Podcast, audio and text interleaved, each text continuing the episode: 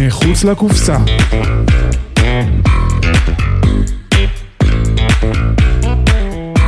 שעה על פסיכולוגיה. עם עירית שדות. אליס היא בת 41, היא אישה מאוד נאה, הפנים שלה עדינות, מעט חברות, היא מאוד גבוהה, דקה, רזה. יש איזה שידור של שבריריות, וכשהיא נכנסת לחדר הרבה פעמים היא מין קורסת לתוך הכורסה. כאילו, לא, לא ממש מצליחה להחזיק את עצמה. הרבה פעמים אפילו היא תישען על uh, זרוע שמאל, ככה על המשענת של זרוע שמאל, כאילו היא מחפשת מישהו, משהו שיחזיק אותה. ובעצם היא פותחת ואומרת שהיא הייתה בהרבה מאוד טיפולים פסיכולוגיים במשך השנים, והיא גם החליפה הרבה פעמים uh, תרופות. והיא מזהירה אותי שהיא מדברת מאוד טוב פסיכולוגיה, אבל היא מרגישה שהיא נשארת תקועה. בעצם היא אומרת שהפסיכיאטרים יבחנו אותה עם דיסטימיה, אבל היא אומרת שהיא בעיקר מרגישה במשך רוב היום לחוצה ומרוקנת. ואני מוצא שאני בעיקר, בפגישות הראשונות לפחות, מתבונן בציפורניים שלה. כי היא מושכת הרבה באור היבש באיזה אופן אה, כפייתי, והן גם גזורות מאוד מאוד קצר, צבועות באדום כהה, אבל הציפורניים שלה מספרות סיפור, כי מאז שהיא ילדה היא כוססת אותן עד uh, כאב. היא גם הייתה נועצת הרבה פעמים את הציפורניים שלה באור עד uh, ממש זוב דם. והיא זוכרת אפילו את עצמה כילדה משתמש בציפורניים כדי לקלף פינות בקיר שנשאר בהם קצת צבע כדרך שתרגיע אותה. אז אליס היא נשואה פלוס שלוש, היא באמת נחשבת למאוד מוצלחת בתחום שלה, מאוד מוערכת, אבל הרבה פעמים היא מספרת לי שהיא מוותרת על פרויקטים של הנחיה, של סדנאות, בעיקר בגלל הסטרס, כי פשוט הסטרס גובר עליה, ואז היא מעדיפה לוותר. הרבה פעמים היא קורסת לבהייה ארוכה בטלוויזיה, או שהיא תישאר במיטה, היא ובן הזוג שלה גם מעשנים הרבה גראס בערב. הרבה חלומות בהקיץ על אפשרות להיות בלי הסטרס, להרגיש מלאה, חיונית, אבל מאז גיל 21 היא בעצם מרגישה הרבה מאוד פעמים התרוקנויות, ומרבית הימים מין דכדוך ומועקה. והיא אומרת לי שאחת הסיבות שהיא פנתה עכשיו לטיפול זה כי היא זכתה באיזשהו מכרז לפרויקט של סדנאות לאורך השנתיים הקרובות, אבל היא מפחדת שהיא לא תעמוד בלחץ והיא תקרוס. הפסיכיאטרית שלה הציעה לשלב ביחד עם הטיפול התרופתי שהיא מקבלת עוד תרופה. ואליס החליטה לפנות לטיפול פסיכולוגי שיישמע שהוא קצת אחר. אז אליס בעצם גדלה עם אחות צעירה בבית שהיה עם מעט מאוד יציבות. ההורים שלה התגרשו כשהיא הייתה בת עשר, אבל עוד קודם לכן אה, היא הייתה חשופה להרבה מאוד ריבים, הרבה לחשים בלילה, ככה שהיא שמעה מעבר לדלת. כשהם אה, בעצם נפרדו, עוד לפני שהם התגרשו, הם עברו למקומות מרוחקים בארץ, והיא הייתה עוברת בין הבתים הרבה פעמים. לפעמים היו משאירים אותה אצל דודים לפרק זמן ארוך, היא לא ידעה לפעמים מתי יבואו לקחת אותה. ובעצם מתארת את הרגעים האלה שבהם אה, היא ממתינה לדעת אל מי הולכת ולכמה זמן, כרגעים שהיא כאילו נופלת לתוך תהום. וברגעים האלה גם היא מתארת איך היא הייתה כוססת את הציפורניים, ממש שורטת את עצמה עד זוב דם, בתקווה שאיכשהו מישהו יבוא ויאסוף אותה, וההרגשה היא שהנפילה הזאת היא נפילה אינסופית, שאולי אף פעם לא ימצאו אותה. והחוויה הזאת הייתה חוזרת על עצמה במהלך הילדות עד בערך גיל 16, שאז בעצם היא עברה לגור עם אימא שלה והחיים שלה התייצבו באופן יחסי, אבל עם אבא הקשר אה, די נותק. שלום, אתם מאזינים למחוץ לקופסה. שאל פסיכולוגיה על מה שקורה בשטח, הפרקטיקה, התיאוריה, החיבור ביניהן, כמו גם הממשק בין פסיכולוגיה לתחומים אחרים. אני עירית שדות, פסיכולוגית קלינית, והיום נדבר על טיפול אינטגרטיבי, ממוקד רגש וגוף. מתארח אצלי לירון אליאסוב, פסיכולוג קליני ורפואי, מדריך. היי לירון. אהלן. אז בוא נחזור לאליס, שדרכה רצית להעלות שאלה. בעצם המודל האינטגרטיבי שאני בניתי ואני לוקח מגישות שונות, ממוקדות גוף וממוקדות רגש, בעצם שואל את השאלה למה אליס מתרוקנת כל כך חזק ולמשך כל כך הרבה שנים. והתשובה הבסיסית היא לכל הגישות ממוקדות הרגש, זה שהיא נמנעת מלהיות במגע עם רגשות מסוימים, רגשות כאובים שהם חסומים עבורה. והניסיון הזה להימנע הוא זה שבעצם הוביל אותה להתרוקנות כל כך חריפה. ולמה הרגש, למה הרגשות חסומים, אותם רגשות כאובים, שאנחנו כבר לפי הסיפור יכולים להתחיל לדמיין מה, מה הרגישה כילדה, והאם בכלל היה מקום לרגשות שלה, האם בכלל מישהו ראה, יכול היה לתת הכרה ותיקוף לחוויות הרגשיות שלה, והתשובה היא שלא, היה מעט מאוד מקום לזה, זה כי מפגש עם רגשות כאובים, כמו עצב עמוק, עצב נטוש, כמו שהיא מרגישה, בושה, פחד, זעם. המגע עם הרגשות האלו מעורר הרבה מאוד כאב, והכאב מוביל לתחושה של חרדה, ואז יש ניסיון להשקיט את החרדה ולהפחית אותה על ידי כל מיני מנגנוני הגנה או דפוסים הגנתיים של הימנעות מהחוויה. וכיום התפיסה הרווחת בהרבה מאוד גישות שההימנעות מהחוויה, הימנעות מלהיות במגע עם רגשות, תוביל להפרעה נפשית. אז אנחנו במסע, אני במסע עם אה, אליס, לנסות ולהגיע אל הרגשות החסומים שלה. והסיבה שכל כך חשוב להגיע אל הרגשות החסומים, כי הרגשות הכאובים האלה הם בעצם סמן לצרכים רגשיים שלא מקבלים מענה. אה, כשאני לומד בשנים האחרונות ומשלב את הגישות הממוקדות גוף רגש, אני, אחת התפיסות הבסיסיות שאני מתבסס עליהן זה של הגישה של אה, גרינברג, של emotion focus therapy, שמדבר על כך שבעצם רגשות כאובים הם סמן לצרכים רגשיים שלא מקבלים מענה. הדרך לתת מענה לצרכים זה קודם כל להגיע אל הרגשות הכאובים. כשנשהה עם הרגשות הכאובים, נוכל לזהות את הצרכים שהמטופל זקוק למענה לגביהם, ואז בעצם נוכל לשנות רגש על ידי רגש. כלומר, להביא רגש אדפטיבי שייתן מענה לרגש הכאוב. אבל אם הרגשות חסומים, אז אין אפשרות לתת מענה רגשי, ואנחנו נראה הרבה מתח, הרבה חרדה, וגם את ההתרוקנויות של אה, אליס.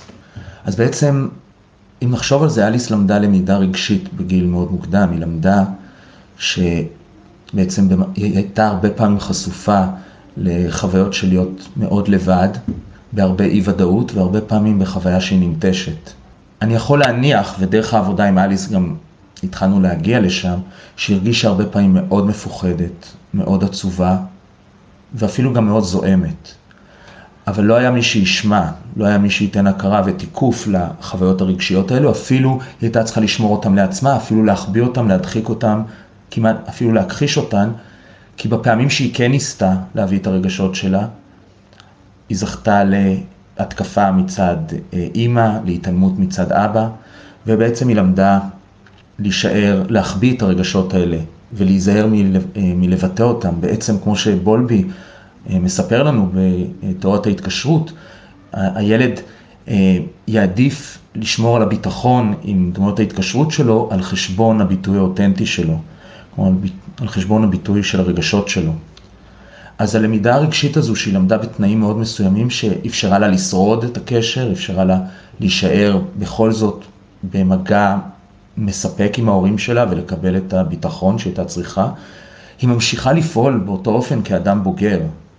כלומר, היא עושה הכל כדי לא להרגיש מפוחדת ועצובה.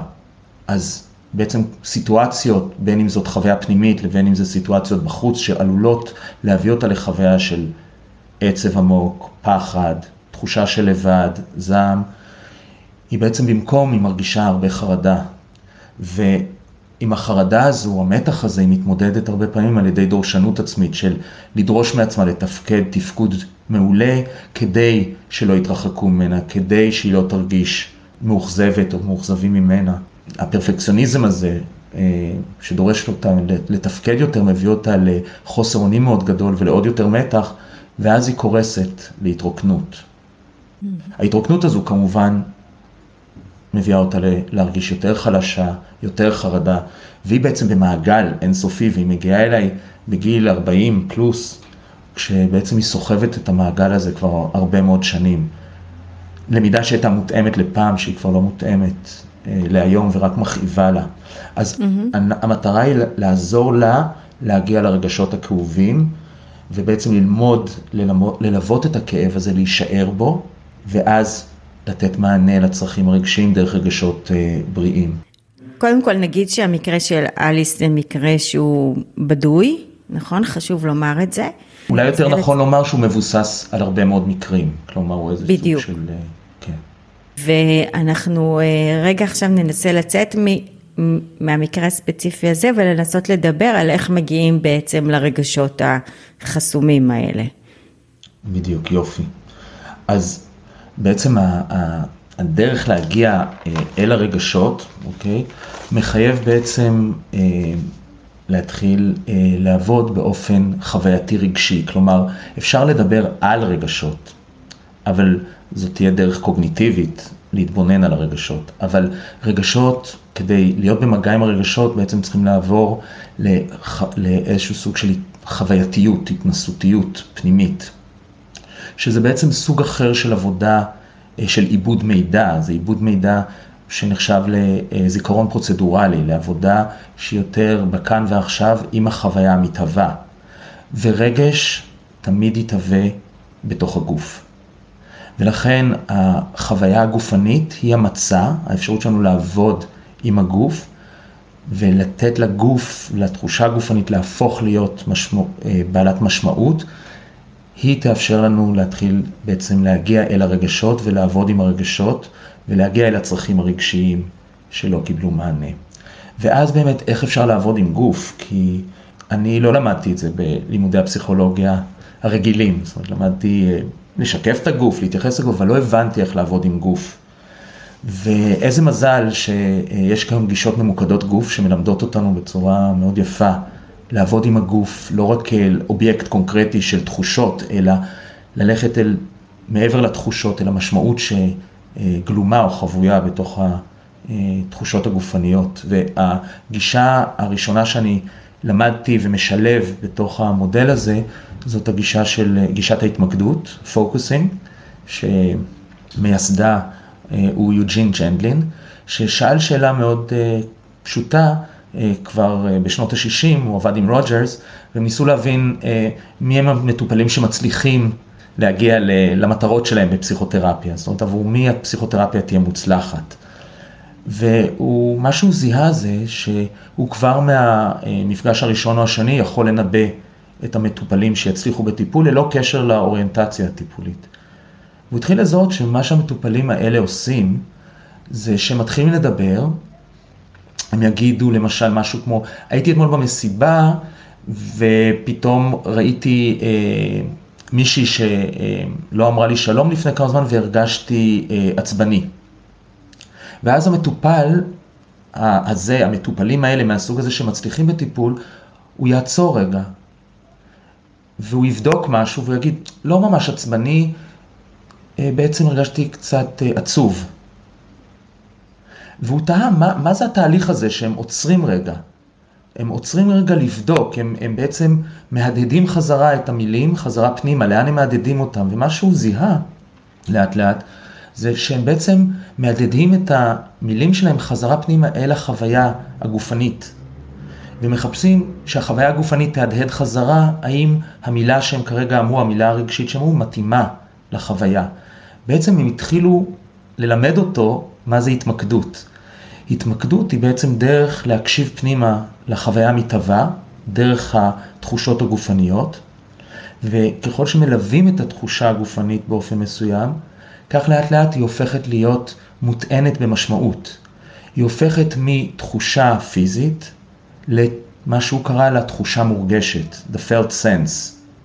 sense במובן הזה של חישה, כלומר אני שם לב לתחושות שלי, אני מפעיל חוש שמקשיב לתחושות הפיזיות, אבל סנס במובן של משמעות, בעצם אם אני נשאר במגע ומלווה את התחושה הגופנית, היא תהפוך לאט לאט להיות מוטענת במשמעות רגשית. Mm-hmm. והוא בעצם אפשר לי, דרך הלמידה של פוקוסינג, להתחיל בעצם אה, להבין איך אפשר לייצר את ה... לעזור לייצר את המצע הגופני הזה, כדי שתהיה חוויה רגשית.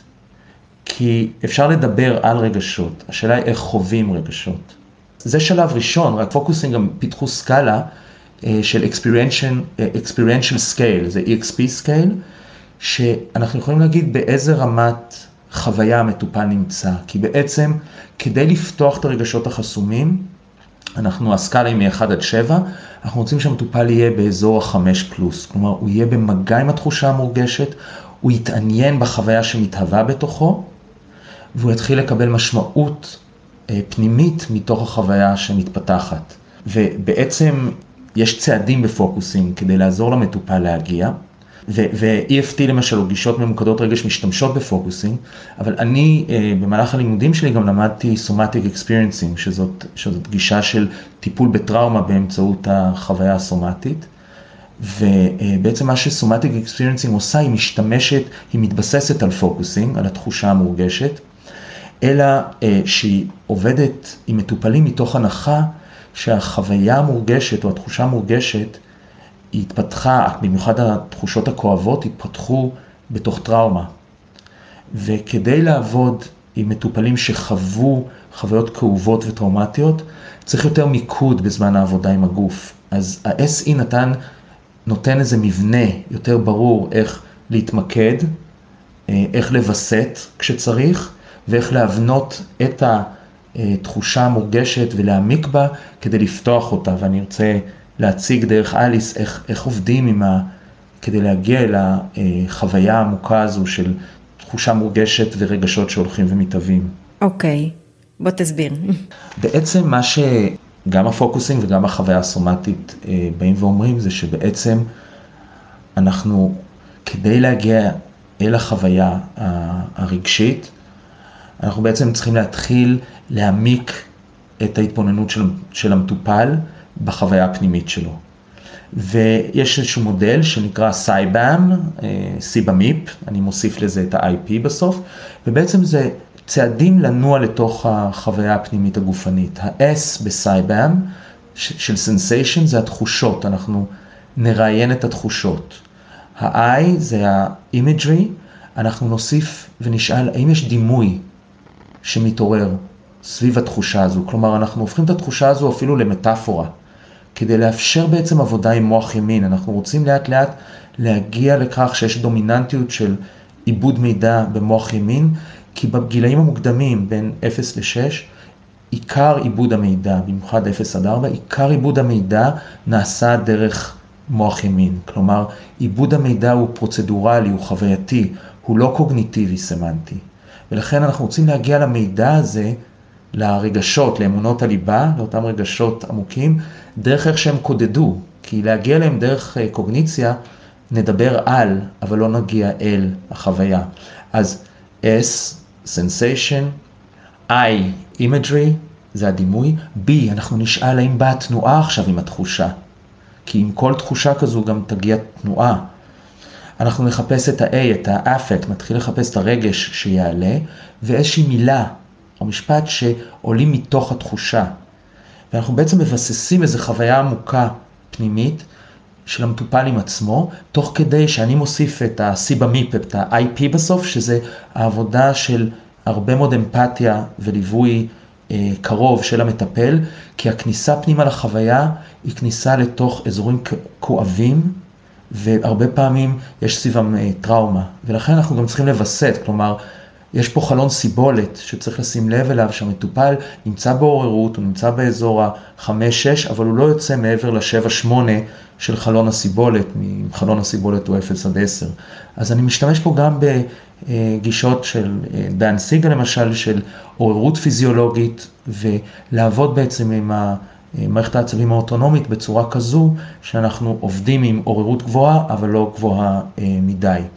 אז אם למשל אני אציג בעצם את המקרה עם אליס, אנחנו נכנסים בעצם לרגע ספציפי, זה מאוד חשוב, לכן אנחנו, אני מזמין אותה לחשיפה בדמיון, מין סוג של חשיפה בדמיון, שאומר, אז בואי אליס, בואי נלך לרגע שבו את הרגשת את ההתרוקנות הזאת בזמן האחרון. ואנחנו נעשה את זה הרבה פעמים במהלך הטיפול, על מנת להגיע אל הרגשות הכאובים. והגישה הזו שעובדת עם חשיפה בדמיון ועם צעדים ברורים, יכולה להתאים בעצם לכל גישה. אני, אני מלמד את זה הרבה פעמים לסטודנטים אה, של CBT, בבית ספר ל-CBT אינטגרטיבי. שזה מקום נפלא שמאפשר לי לפתח פה מודלים וליישם אותם וללמד סטודנטים ובעצם להרחיב את היכולת של מטפלים לעבור למימד חווייתי ולעבוד עם אמונות ליבה ועם רגשות כאובים. ובעצם אם אנחנו מתחילים, אני מבקש מאליס לבחור רגע, והרגע שהיא בוחרת זה רגע שבו היא צריכה לגשת לחדר העבודה שלה, להתחיל אה, בעצם להתכונן לסדנה, לסדנאות שהיא זכתה, היא זכתה בפרויקט והיא מאוד לחוצה. ואני מזמין אותה אה, לדמיין שהיא יושבת, היא מספרת לי שהיא יושבת על הספה, והיא עומדת אה, ללכת לחדר עבודה, אבל היא מתמלאת בהמון לחץ.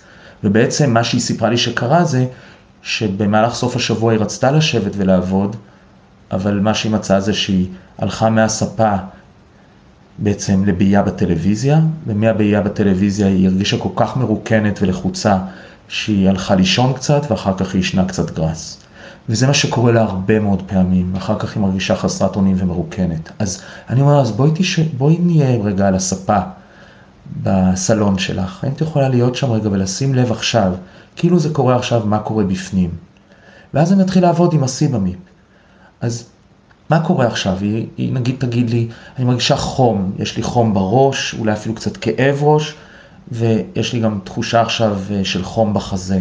ואני אגיד, אז בואי תבחרי את אחד המקומות שנוכל להישאר איתו, אז היא בוחרת להישאר עם החום בחזה. אני מראיין קצת את התחושה, אני נשאר עוד קצת עם התחושה, כי לא לימדו אותי עד אז איך לעבוד עם תחושה, אז אני מראיין ואני שואל, אני רוצה עוד כמה אה, סממנים פיזיים, אז אני שואל אם יש אה, משקל לתחושה, אז אני אומרת, כן, זה קצת כבד, ואני שואל, האם יש אה, מרקם לתחושה, והיא אומרת, לא ממש, אבל כן יש תנועה, זה זז עכשיו קצת למטה, לאזור אה, הבטן העליונה. אז היא כבר במגע עם התחושה, עם ה-S, ואני שואל, כמו מה זה התחושה הזאת? כי אני רוצה להעמיק את החוויה, כשהכוונה שלי היא להגיע אל הרגשות הכאובים. ואז היא אומרת, אה, זה כמו... והיא משהה, ואני אומר לה, כן, תאטי, זה בסדר גמור, אנחנו רוצים להאט, כי עיבוד של מוח ימין עובד לאט יותר, זה סוג אחר של זמן. והיא אומרת, זה כמו צלחת שלוחצת לי בכבדות עכשיו. אומר לה, בואי תישארי עם הצלחת הכבדה והחום, ובואי שים לב אם יש איזו תנועה שרוצה לבוא עם זה. אני פותח את כל הסכמה הרגשית הזו שנמצאת שם. אני עוזר לה לפתוח, ואז היא אומרת, אה, כן, יש איזו תנועה של התקפלות. אז אני אומר לה, אז תאפשרי לתנועה להתקפל, והיא מרכינה את הראש והכתפיים מורכנות מטה, ואני אומר, בואי תישארי ושימי לב, האם יש מילה שעולה עכשיו? והיא אומרת אה, משהו כמו תקיעות. אמר לה, בואי תהדהדי חזרה את המילה של תקיעות פנימה חזרה. והיא בודקת, וזה שהיא בודקת אומר לי שהיא כבר מתחילה להיות באקספריאנשל לבל של חמש ומעלה. היא מאוד עמוק בתוך החוויה שלה, זה אומר שאנחנו נוכל עוד מעט ממש לילד רגש. עוד מעט היא תוכל להיות במגע מלא עם הרגש, כי הרגש זקוק לחוויה, להיות במצב של חוויה עמוקה. ויש דרכים אחרות להגיע אל רגשות, אבל זאת אחת הדרכים להגיע אל רגש. ואז בעצם יש בי עצב, עצב מפוחד. ואז אני אומר לה, האם אנחנו יכולים להישאר עכשיו עם העצב המפוחד הזה? מתוך הנחה שלי שהיא עושה הרבה כדי לא להישאר עם העצב הזה. מה שהיא עושה בדרך כלל זה שהיא נכנסת למתח, מתרוקנת, ואז בעצם מרגישה מאוד חסרת אונים ומדוכדכת. אז היא נשארת עכשיו עם העצב המפוחד, ומתחיל בכי. אפשר לראות את הדמעות, היא מתחילה אה, לבכות, ואני מזמין אותה להישאר. כשכל אני בודק לראות שהיא לא יוצאת מחלון הסיבולת, כי אני יודע שהעצב הזה הוא מאוד מאוד כאוב, הוא נושא בתוכו את כל הזיכרונות הרגשיים של הפעמים שבהם היא הייתה עצובה ומאוד מאוד לבד ונטושה, ויש בעצם איזה מין מעטפת של טראומה סביב העצב הזה. אז אנחנו נתחיל לעבוד עכשיו באיך להישאר עם החוויה הרגשית. עבדנו, יכול להיות שעשר דקות עכשיו עבדנו עם החוויה הגופנית, להאט את הקצב כדי להגיע עכשיו אל הרגש הזה שהוא בעצם סוג של זיכרון רגשי. ו- ורק אני אגיד, אולי, ואז רציתי לשאול, אבל שהרבה פעמים, וגם איתה במקרה הזה, אבל הרבה פעמים אני אפילו לא צריך לשאול מאיפה את מכירה את התחושה הזו, את העצב הזה, או את הרגישות הזו של איזה עצב מפוחד. לרוב באופן אוטומטי יצוצו זיכרונות, כי אנחנו נוגעים ממש בזיכרון רגשי שקיים אצלה של אותה למידה רגשית, שהיא מנסה הרבה להתנתק ממנה, ובאמת אצלה מה שעלה, אם נרצה להיכנס לשם, נראה בהמשך, זה תמונה שצצה לה של היא כילדה בערך בת שמונה שוכבת בלילה לבד ושומעת ריב של ההורים. אז אנחנו התחלנו בעצם להגיע אל הרגש הכאוב, שלא פשוט להגיע אליו, כי הרבה פעמים הרגשות האלה לא סתם חסומים, כי הם כואבים, והרבה פעמים מתפתחות הגנות מאוד מאוד נוקשות כדי לא להגיע ולא לגעת ברגשות האלו. ההגנות האלה מנסות ללוות את הרגש הכאוב, או באופן שבו לימדו אותה, שזה הרבה פעמים על ידי לנסות להתנתק, או על ידי הצלפה עצמית, כי תקפו אותה ואמרו לה להפסיק להיות כל כך רגישה, להפסיק להיות כל כך אה, מכבידה. ודרך אגב, העבודה עם ההגנות האלו, היא עבודה שבגישות הממוקדות חוויה הדינמיות יותר, המון, הרבה עובדים מול ההגנות. כי בעצם ההגנות אה, לא מאפשרות לנו להגיע אליה, או חוסמות את המגע עם הרגשות, ומייצרות הרבה מאוד סימפטומים שהרבה פעמים אני למדתי להתייחס לסימפטומים האלה של ייאוש, של אכזבה, של התרוקנות כאל רגשות, אבל בעצם הם סוג של מצוקה. אז אם נתקדם עם אליס, אז אחרי שבעצם היא מגיעה לחוש או להרגיש את הרגש הכאוב, נכון? בעצם השלב הבא זה לתת מענה לצורך. ממש ככה. אוקיי, אז בוא נמשיך עם זה. אוקיי, כלומר, בעצם עצם השהייה, עצם היכולת שלה אה, להיות בסיבולת לשהייה בחוויה הזו של הרגש הכאוב, שזה גם בראש ובראשונה אומר שהיא יכולה להישאר עם החוויה הגופנית שמתלווה לרגש הכאוב, ואז כשהיא נשארת עם העצב, עצב מפוחד, אנחנו יכולים להתחיל לפתוח את הסכמה הרגשית הזו ולבדוק איתה כשאת חווה עכשיו את העצב המפוחד, בין אם זה כי עשינו גישור רגשי בדמיון לאותו אירוע נגיד שעולה בזיכרון, או בין אם זה מה, שזה, מה שעולה עכשיו ביחס לרגע הנוכחי שבו היא אמורה לגשת ולהתמודד עם הסדנה שהיא אמורה להכין. השאלה שאפשר לשאול, מכיוון שהסכמה הרגשית כוללת בתוכה את הצורך, זה בעצם למה את זקוקה עכשיו.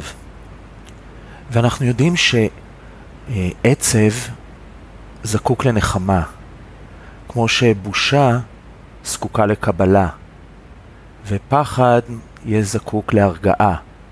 אז, ובראש ובראשונה, הרגשות זקוקים להכרה ותיקוף.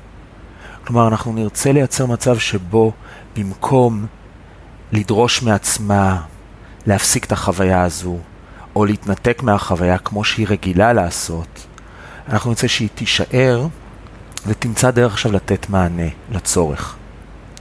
זה יכול לקרות באופן ספונטני על ידי שהייה ובדיקה למה את זקוקה כרגע, ובאופן ספונטני הרגש, אם אנחנו מדברים על עצב, אז איזשהו סוג של קבלה ונחמה יכולה לעלות. אנחנו גם יכולים לעשות זה באופן יותר אקטיבי, להזמין אותה לגשת אל עצמה. כלומר, להמשיך להשתמש בדמיון ולשאול אותה עכשיו כשהיא יושבת בסלון ורוצה לגשת אל חדר העבודה, למה היא זקוקה והאם היא יכולה לגשת עכשיו אל עצמה. ובעצם נוצרים יחסים פה, יחסי אובייקט אפשר לקרוא, יחסים של היא אמפתית כלפי עצמה. ואז אנחנו רואים עד כמה יכולה לגשת אל עצמה ולהביא רגשות של תיקוף, קבלה ונחמה. ברגע שיש את המפגש הזה, ואנחנו נראה הרבה פעמים אצל מטופלים שקשה להם לייצר את המפגש הזה, מיד או עולה המתח והם יוצאים מחלון הסיבולת, או מתחילה שוב הצלפה או ניתוק, ונצטרך להמשיך לעשות עבודה עם ההגנות. אבל ברגע שיש את המפגש הזה, ואני יכול אפילו לשאול אותה, האם את יכולה לראות את העיניים של אליס? האם את יכולה לגשת אליה, ואני רואה שנוצר חיבור? אז בעצם מתחילה הטרנספורמציה. בעצם העצב המפוחד עכשיו מקבל גם הרגעה, נחמה, הכרה, תיקוף, והיא יכולה לשהות, לשהות בחדר, בחדר הטיפול עם שתי החוויות האלו. היא יכולה לשהות גם עם החוויה של העצב שנמצא בגוף שלה, וגם עם נביטה או ילוד של רגש חדש של נחמה. והרעיון הוא לאפשר לה עכשיו להיות בעצם בחו... במגע עם שתי החוויות האלו במקביל. כלומר, היא לומדת ללוות את החוויה הרגשית שלה באופן אחר מאיך שהיא למדה לעשות, שזה לדרוש מעצמה, להתנתק ואז להתרוקן. ומתוך הנוכחות שלה כלפי עצמה ברגעים האלה, בעצם אפשר לראות איך הרבה פעמים מזדקפת, איך היא יכולה להיות שם עבור עצמה, ויותר היא לא צריכה לפחד מרגעים כאלו של עצב, כי היא יכולה להיות שם עבור עצמה. אז, וכך אז... כך הטרנספורמציה קורית, שבעצם הרגש משנה את הרגש, ואז ישנה את הקוגניציה ואת ההתנהגות. אז בעצם, אבל בשלב הזה, המטפל או המטפלת, הם, הם לא מהווים בעצם הגורם המנחם, אלא רק מסייעים לה לנחם את עצמה, או שכמה אנחנו נותנים ולידציה ובאמת, אה, והכרה למה שקורה. יופי. איפה אנחנו מתמקמים שם? מעולה. אז יש את המימד הזה של להיות איזה סוג של אה, אם סביבה, וויניקוטיאני, או אה, מיכל שמחזיק עבור המטופלת את התהליך, תוך כדי קרבה מאוד גדולה אמפתית. כלומר, אני עושה ממש ניטור של איפה היא נמצאת כרגע, אני משקף את התחושות הגופניות שלה, אני בהחלט נותן מקום ומאשר לה עד כמה זה חשוב שהיא יכולה להישאר שם, נותן הערכה, ומאפשר לה את התהליך של מתן מענה לצורך שלה, אבל באותה מידה אני יכול גם אני להיות זה שהצורך מופנה כלפיי. כלומר, העבודה יכולה להיות ב-one person psychology, היא בתוך עצמה, כשאני רק מאפשר לחוויה הזו להתרחש ומעודד אותה ועוזר לה להיכנס פנימה, אבל הצורך גם יכול להיות מופנה אליי. אם, כשהמבט מופנה אליי, אני כל כך כל כך עצובה כרגע, והיא מסתכלת אליי, אני יכול לשאול אותה, או להגיד לה, אני רואה שאת מבקשת ממני משהו כרגע. ואני יכול להיות זה שבודק, בעצם האם את זקוקה ממני כרגע להיות איתך. בין אם ללוות אותך לעבר אליס, או בין אפילו להיות עכשיו הדמות ההורית, או התיקון ההורי, ולייצר חוויה אה, רגשית מתקנת. בעצם לעבוד גם עם יחסי העברה, העברה נגדית, שזה עוד אפיק כדי לעבוד עם הש... גם אם אפשר להעלות את הרגש הכאוב, נגיד ביטוי של כעס כלפיי או עצב ממני על כך שאני לא יכולתי להיות שם עבורה, שחזור היחסים בתוך יחסי העברה, העברה נגדית. אה, זאת דרך אחת. דרך אחת זה בחשיפה בדמיון בגוף שהיא עם עצמה ואני רק מלווה, או עבודת כיסאות כמו בגשטלט, אוקיי? ואופציה אחרת דרך אגב היא בכלל עבודה יותר אקספרסיבית של תנועה או אה, אומנות שבה אני עוזר לה לייצר את התנועה, ולפעמים אני אמצא, אני ארקוד או ינוע עם המטופלים שלי על מנת לאפשר מגע עם החוויה. אז כל אחת מהאופנויות האלה הן אפשרות לייצר את המגע עם הרגש הכאוב וגם להתחיל לייצר את התיקון ואת המענה לצורך. בעצם התחלת עכשיו, אמרת את זה נורא בקצרה, את הדרכים האחרות להגיע לרגשות החסומים, עבודת כיסאות, תפרט על זה עוד קצת. אוקיי. אז בלהגיע אל הרגש הכאוב, למשל עבודת כיסאות ששואבת מגישת הגשטלט, וכיום גם הסכמתרפיה עובדת הרבה עם כיסאות, וגם uh, uh, EFT, Emotion Focus Therapy שהזכרתי, הרעיון הוא שאנחנו בעצם מייצרים דיאלוג, או בין חלקי עצמי, כלומר בין uh, החלק uh, של אליס נגיד, ש... עצוב כרגע ויש חלק דורשני שנוזף בה ודורש ממנה, אם היא בכלל ניגשת לחדר היא חייבת להיות מושלמת, אוקיי? ואז אנחנו נשים על הכיסא השני את אותו חלק מצליף והיא תעבור בין הכיסאות והיא תצליף בעצמה והיא ממש תעשה לעצמה, היא תגרום לעצמה להרגיש עכשיו מפוחדת ואשמה ואליס תחזור אל הכיסא של החלק הפגיע, החובב, והיא תוכל להתחיל לייצר דיאלוג, להגיד האם לזה אני זקוקה. ודרך היכולת שלה להגיד למה אני זקוקה, שאני לא זקוקה לליווי כזה, אז היא יכולה גם כן להתחיל לפגוש את החוויה הרגשית של העצב והצורך. ובעצם ברגע שהיא נכנסת פנימה לתוך הצורך, אז יכול לעלות שהיא הייתה זקוקה הרבה פעמים לליווי והיא לא קיבלה אותו, ובמקום המצליף שיושב על הכיסא הריק, על הכיסא ממולה, עכשיו פתאום מתיישבת אימא שלה. והיא מספרת שבעצם זה, אלו היחסים שהיא מכירה מאימא שהייתה חסרת סבלנות מולה. עכשיו יש אפשרות שהיא תעבור לכיסא השני ותהיה אימא שלה, וככה אנחנו שוב מאפשרים לרגש הכאוב לעלות. והטרנספורמציה תהיה בזה שהיא תוכל, נגיד, לעמוד מול החלק המצליף או האימא ולהגיד למה היא זקוקה, ואז אפילו לאפשר לחלק אה, בוגר שלה, אה, חלק מטפל שלה, לשבת על הכיסא השני ועכשיו לתת לה את המענה. מה שיפה בעבודת כיסאות, שזה פסיכודרמה, זה מאוד מאוד אה, אבוקטיבי, זה מעורר את הרגשות, והרבה מאוד מטופלים זקוקים ונהנים מסוג כזה של עבודה, שבו הם לא רק בתוך עצמם, יש משהו במעבר כיסאות שהוא מאוד משמעותי. אז זה לדוגמה סוג עבודה אחד, ועבודה אחרת יכולה להיות אה, בלאפשר, אם, אם המטופל רוצה לנוע והוא זקוק לתנועה והוא זקוק להדהוד שלי, של התנועה שלו, אני גם ינוע איתו בחדר, והוא יוכל לחוות האם אני משקף את התנועה שלו והוא מרגיש שאני מכיל אותו ונותן לו חוויה של ביטחון ומאפשר לו להיות במגע עם עצמו, או דווקא אני מעורר בו איזשהו סוג של מתח, בושה, ודרך זה גם נוכל להיכנס פנימה לתוך הרגש הכאוב. Mm-hmm. אז אלה עוד דרכים. עולות לי שתי אסוציאציות של מטופלים. אני לא רוצה לחשוף אה, פרטים יותר מדי, אבל אני יכולה לחשוב על מטופלת שאמרה לי שבמהלך השבוע, מאחד הימים, זה הלך והידרדר, אבל זה התחיל מלילה אחד שהיא לא הצליחה לישון, וזה הלך והידרדר עד ליום אחד שהיה לה גם התקף חרדה. אנחנו ניסינו להעלות מאיפה, מה היה הטריגר, מאיפה זה נבע. מה קרה באותו יום שבת שבעצם כל המהלך הזה החל, כי באמת היא הייתה בתקופה ממש טובה. זה דברים שהיו מוכרים לנו מהעבר, אבל הנה זה חזר. ואז אה, היא נזכרה בזה שבאותו שבת בבוקר היא עברה על תמונות. בטלפון היא סידרה תמונות ונתקלה בתמונות מהעבר. היא אמרה, אבל הרגשתי דווקא שאני גיבורה, שגם דברים שהיו יכולים לעורר אותי רגשית, ממש לא.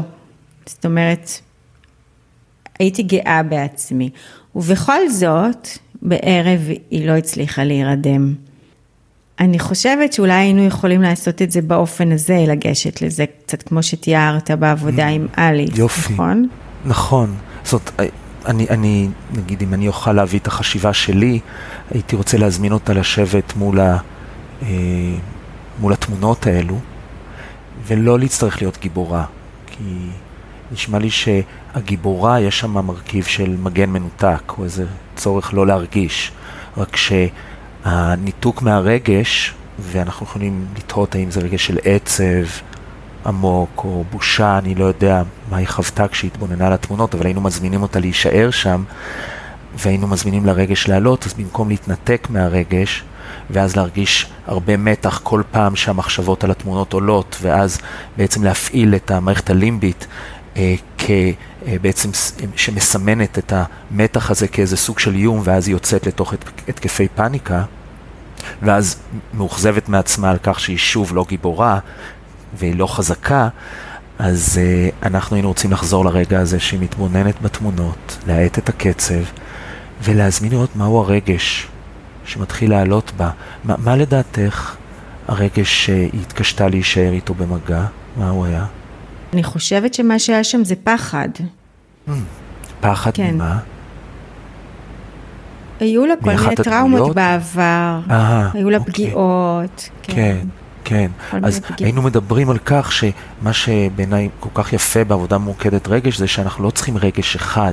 אנחנו נעבוד עם מגוון הרגשות, אבל בעיקר עם ה-near experience, עם הרגש כפי שהוא עולה ברגע, רק מה שמאוד מאוד חשוב הוא כשאת מתקרבת, כשאנחנו היינו מזמינים אותה לשבת, עדיין להסתכל על התמונות, לבדוק מה הרגש שעולה, לראות אם היא בתוך חלון הסיבולת, לעזור לה להישאר בפנים, לפתוח את הסיבמיפ אה, עם כל הצעדים, עם הנוכחות האמפתית שלך. והיינו רואים מה, מה, מה עולה, ואם היא מתנתקת עוזרים לה לחזור. ויכול להיות שבהתחלה יעלה פחד, ויכול להיות שבמקביל יעלה איזשהו עצב עמוק, ואנחנו נתחיל להבדיל בין סוגי הרגשות, כי אני חושב שאמרתי שבלימודים, כשאני למדתי פסיכולוגיה קלינית ורפואית, לא לימדו אותי להבדיל בין סוגי רגשות, והגישות ממוקדות רגש, במיוחד ה-emotion focus therapy, אה, שאני גם אה, עובד איתו וגם ה-experiential dynamic therapy אומרים שבעצם יש רגשות ממסכים, שלמשל אם, אם היא הייתה מתחילה להיות מאוד מאוד מפוחדת אבל כבר עם איזשהו סוג של כבר אה, חרדה, פאניקה כזה, זאת כבר מצוקה. אני לא רוצה להשאיר אותה שם, זה אומר שהיא מתחילה לצאת מחלון הסיבולת. אני רוצה לעזור לה להירגע ולהתקרב אל הרגש הכאוב, ואז בתוך הרגש הכאוב לדעת שנצטרך לשהות שם למרות שהוא לא ייתן לה מענה לצורך, הוא יסמן את הצורך שהיא זקוקה לו. ואז היא תוכל לגשת אל עצמה, או את תוכלי לגשת אליה, והיא תוכל ללמוד דווקא להיות גיבורה על ידי לתת מקום לפגיעות, ולא גיבורה על ידי להתנתק מהפגיעות. אה, יש ל...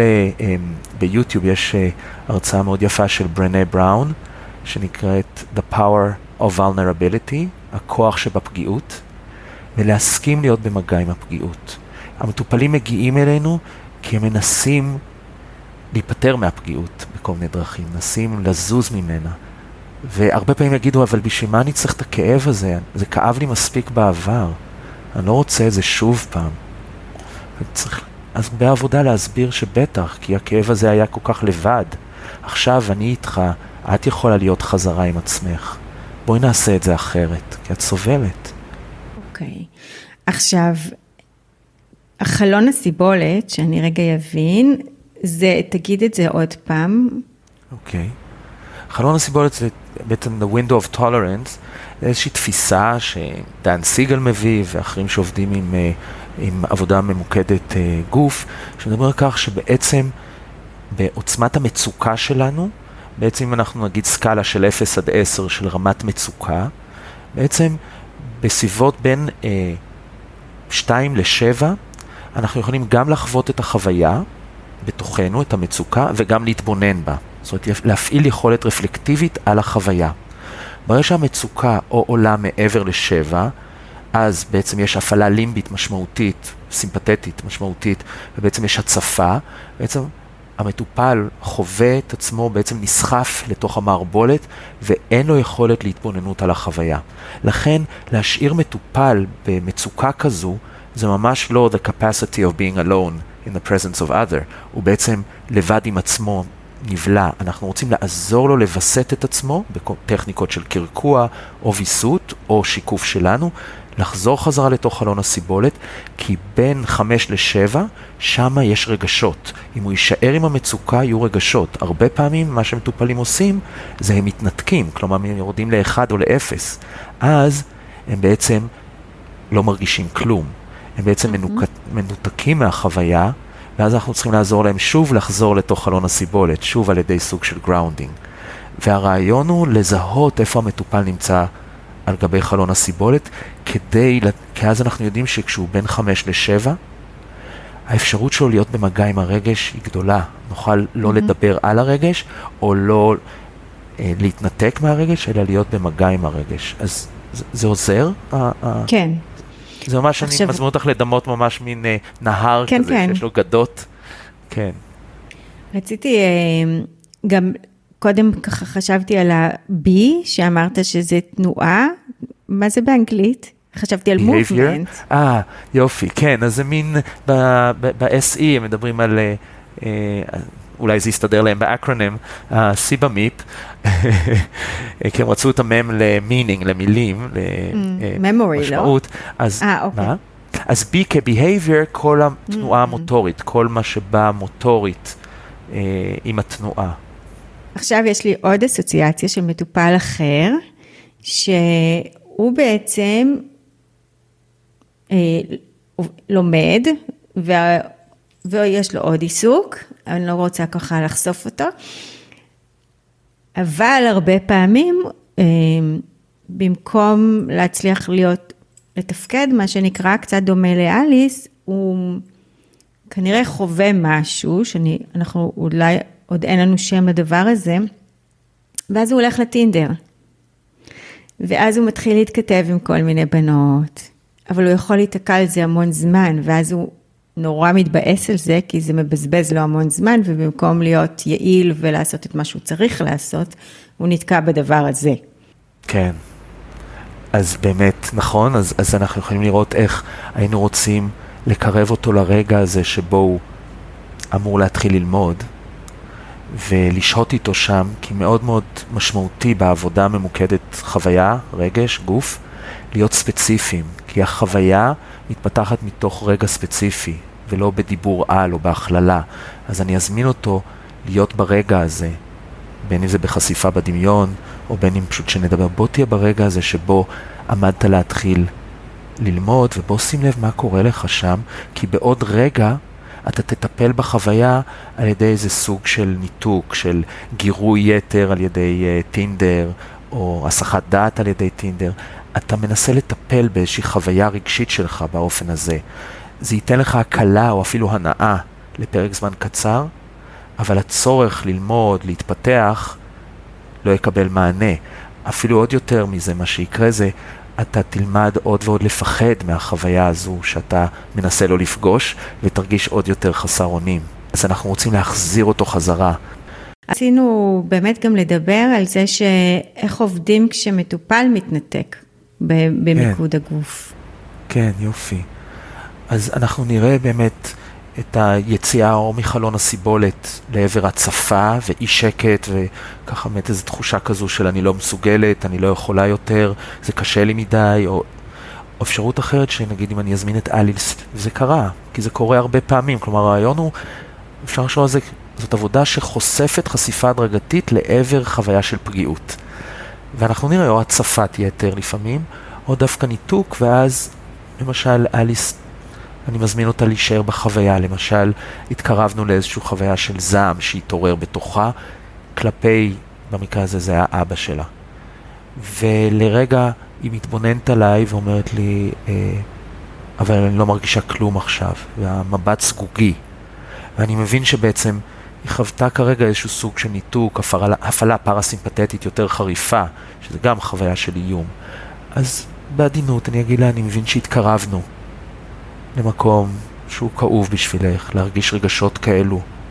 וכלפי אבא, הייתה חוויה אולי מאוד מאוד מסוכנת פעם, ולכן יש איזו חוויה של uh, סכנה סביב להרגיש את הרגש הזה. אז בואי שימי לב לרגליים שלך כרגע. אז אני אתן סייקו-אדיוקיישן, מה אני חושב שקורה לה. שימי לב לרגליים כרגע, בואי נעשה קרקוע, שימי לב לנשימה. בואי נחזור חזרה פנימה אל תוך הגוף, אל הרגע. ובואי נחזור עוד פעם לרגע הזה שבו היינו, ונראה איך זה עכשיו להיות שם, מה את שמה לב עכשיו שקורה לך. כלומר, בעצם אני אעזור למטופ... לאליס, נגיד, למטופלת, להיכנס חזרה פנימה לרגע, דרך החוויה, התחושה הגופנית, הנוכחית של קרקוע, להרגיש את הרגליים, להרגיש את הכיסא, לשים לב לנשימה, ולהיות שוב בחוויה. ולראות איך היא יכולה. עכשיו, לפעמים מה שיקרה זה שהמטופל צריך איזשהו מרחק, אז אני אגיד, אוקיי, אז האם את יכולה להיות עם החוויה הזו, אבל להתבונן על עצמך טיפה מרחוק, תוך כדי שאת חווה את החוויה הזו של הזעם. אז האם את יכולה, נגיד, להתבונן על עצמך עכשיו מנקודה בחדר, או אפילו מחוץ לחדר, וגם לאפשר לעצמך לחוות את חוויית הזעם. אז אנחנו נעשה כל מיני סוגים של distancing, uh, uh, הרחקות, כדי לאפשר לה להיות במגע. כי הרעיון הוא שאני לא רוצה לשתף פעולה עם המטופלת, שהרגש הזה של נגיד זעם חריף, הוא משהו שצריך להיזהר ממנו, להימנע ממנו. המערכת שלה יכולה להתחיל ללמוד איך לשהות איתה. אז, וזאת, ככה, ככה העבודה נעשית, באמת, בניטור מאוד קרוב לחוויה שלה. אוקיי. Okay. אנחנו מתקרבים לסיום. אה, רציתי לשאול מה הביא אותך להתעניין בעבודה ממוקדת גוף ורגש? אוקיי, okay, יופי. ואז גם אחר כך אני אשמח לספר איך ככה סגרנו את ה... איך הטיפול עם אליס ככה נסגר. אמ, אני חושב שאני נולדתי לתוך עבודה גופנית, כי כבר בגיל מספר שבועות נאלצתי לעבור ניתוח מאוד משמעותי, אז אני חושב שהחוויה של ה-going on being הופרה בגיל מאוד מאוד צעיר אצלי, ואז אולי החוויה הגופנית, ביחד עם לגדול אה, עם אימא שעסקה בריקוד ובתנועה, אז המימד הגופני היה מאוד מאוד אה, נוכח. אני חושב שחלק מחוויות ילדות שלי קשורות להרבה פסיכוסומטיקה. מצבים שבהם ככה אפילו הגעתי למצב שבו אפילו הייתה שאלה אם יש לי משהו שקשור למעיים, כי הייתי כל כך, uh, הדיבור היה דרך הגוף. והגוף אה, היווה עבורי גם מקור של סבל, אבל הרבה שנים גם, עד היום, מקור שאני עובד איתו, גם כנער, הרבה מאוד ספורט, ואחר כך uh, ללמוד uh, ריקוד ותנועה, אימפרוביזציה בתנועה, וטאי צ'י, וכיום המון המון שנים של יוגה ו... רכיבת שטח, אז אני מכיר את ההרגשה הזאת שכשאני רוקד, אני חוזר פנימה לתוך עצמי. זאת איזושהי חוויה מאוד מיוחדת שלי. והתוך עצמי הזה הוא הרבה פעמים מורכב, הוא לא תמיד uh, פשוט. אבל אני מאוד מאוד זקוק לחוויה הגופנית הזו, ומרגיש שזה ערוץ שמאוד מדבר אותי, ואני מרגיש קרוב אל עצמי ככה. אני חושב שזה משהו שאני רוצה להביא למטופלים שלי. וגיליתי שיש גישות מדהימות שעוזרות לי להבין אה, איך לעזור למטופלים באמצעות עבודה עם הגוף והרגש, ואני מצאתי דרך לשלב אותם באיזה מין מודל אינטגרטיבי כזה. Mm-hmm. טוב, uh, המאזינים לא רואים אותי בבגדי ספורט כרגע, באמצע, שאמרתי ללירון שאני באמצע ריצה, uh, בין כן. לבין. כן. אז גם את. גם אני, וגם כשהייתי ילדה הייתי אלרגית. מאוד. אז אה, כן. כן. אני חושב שהגוף הוא, כמו שפרויד אמר, first the ego was a body ego. החוויה היא כל כך ראשונית, החוויה הגופנית היא כל כך המצע הראשוני לכל החוויות שלנו, שלחזור לשם יכול לאפשר להיות במגע באמת עם סכמות לא מדוברות שנוכחות מבפנים ומתנהגות אחר כך בבגרות שלנו. רצית לספר את הסוף של אליס? כן, כן, אז אמ, אליס בעצם עשינו בעצם הרבה עבודה להיות, לאפשר לה ללמוד להיות במגע עם העצב העמוק הנטוש, ולצידו גם הרבה, התעורר גם הרבה מאוד זעם שהיה בתוכה, ובעבודה בדמיון וגם בעבודה חווייתית היא יכלה להתחיל לבטא את הזעם שלה, כולל גם להיות במגע עם העצב ולתת לעצמה מענה לצורך, כלומר המענה לצורך היה הרבה פעמים היא אמפתית כלפי עצמה ונוכחת עבור עצמה, ולפעמים גם היא שמה גבול או אפילו מרחיקה את מי שלא היה טוב עבורה, כמו הדמויות ההוריות, ויכולה לדרוש את מה שהיה מגיע לה. אז זה איזה שתי תנועות של טרנספורמציה. ובעצם אפשר לראות איך היא אה, לאט לאט, אפילו בכיסא כבר לא נשענת, היא כבר זקופה, היא הייתה אומרת, אני מרגישה יותר זקופה, למרות שהיא גבוהה, היא הייתה מרגישה יותר זקופה, והייתי משקף לה את זה. היא אמרה על ככה, באמת שהיא יכולה להיות יותר קרובה לעצמה, היא מרגישה מתח עדיין, אבל אין התרוקנויות, היא מרגישה חיונית, מרגישה טוב עם עצמה, והיא אמרה ככה לקראת uh, סיום, ככה לקראת סיום הטיפול, הטיפול היה משהו כמו שמונה חודשים, אז הטיפול הרבה פעמים יכול להיות מאוד גם ממוקד. Uh, היא יכלה להגיד לי שהיא uh, מרגישה שקטה וחזקה, והיא אמרה שהמעניין הוא שכיום עבורה להיות שקטה וחזקה, זה שהיא יכולה להזמין את כל העצמיים שלה לבוא. גם אם זה החלק המפוחד, גם אם זה החלק העצוב, היא לא מפחדת מעצמה יותר, היא מוכנה להיות שמה עבור עצמה, היא לא עוזבת את עצמה יותר. ו- וזה היה מאוד מרגש, אפילו היה איזה שלב שאפילו צחקנו ביחד על כך שהציפורניים התארחו. כלומר, היא אפילו לא, לא, לא כוססת uh, ציפורניים. Mm-hmm. הייתה הרבה הבעה של, אה, של, אה, של חוויה שלה שהיא קרובה אל עצמה, שהיא רוצה להיות שם עבור עצמה עם כל החלקים שעד שהיא הגיעה לטיפול שהיא ניסתה להסתיר, היא ניסתה לנתק מעצמה, ומאוד מאוד סבלה מבאמת יותר מ-20 שנה של סוג של דיסטימיה, וכיום אה, גם את הטיפול התרופתי, היא לא לקחה עוד תרופה, היא כבר כמעט הורידה למינימום, היא בדרך להוריד, אנחנו סיימנו, אבל היא כנראה תוריד את התרופה, ביקשתי שהיא תתקשר אליי. ככה כדי לספר לי מה קורה, אז אני אשמע, אבל במקום אחר כבר אין שום סיבה שהיא תהיה בדיסטימיה, כי דיסטימיה זה ריקון, והריקון הוא כדי לא להיות במגע עם הרגשות, אבל אם אפשר להיות במגע עם כל הרגשות הכואבים ולתת מענה, אז היא יכולה להיות היא עצמה. יפה. אני אה, רוצה להגיד שגם כשאתה סיפרת על אליס, אז מאוד מאוד שם, שמים לב כמה אתה, אתה מתבונן על הגוף ועל המנח ו, וכולי. יש לך שיר להקריא לסיום, נכון? כן.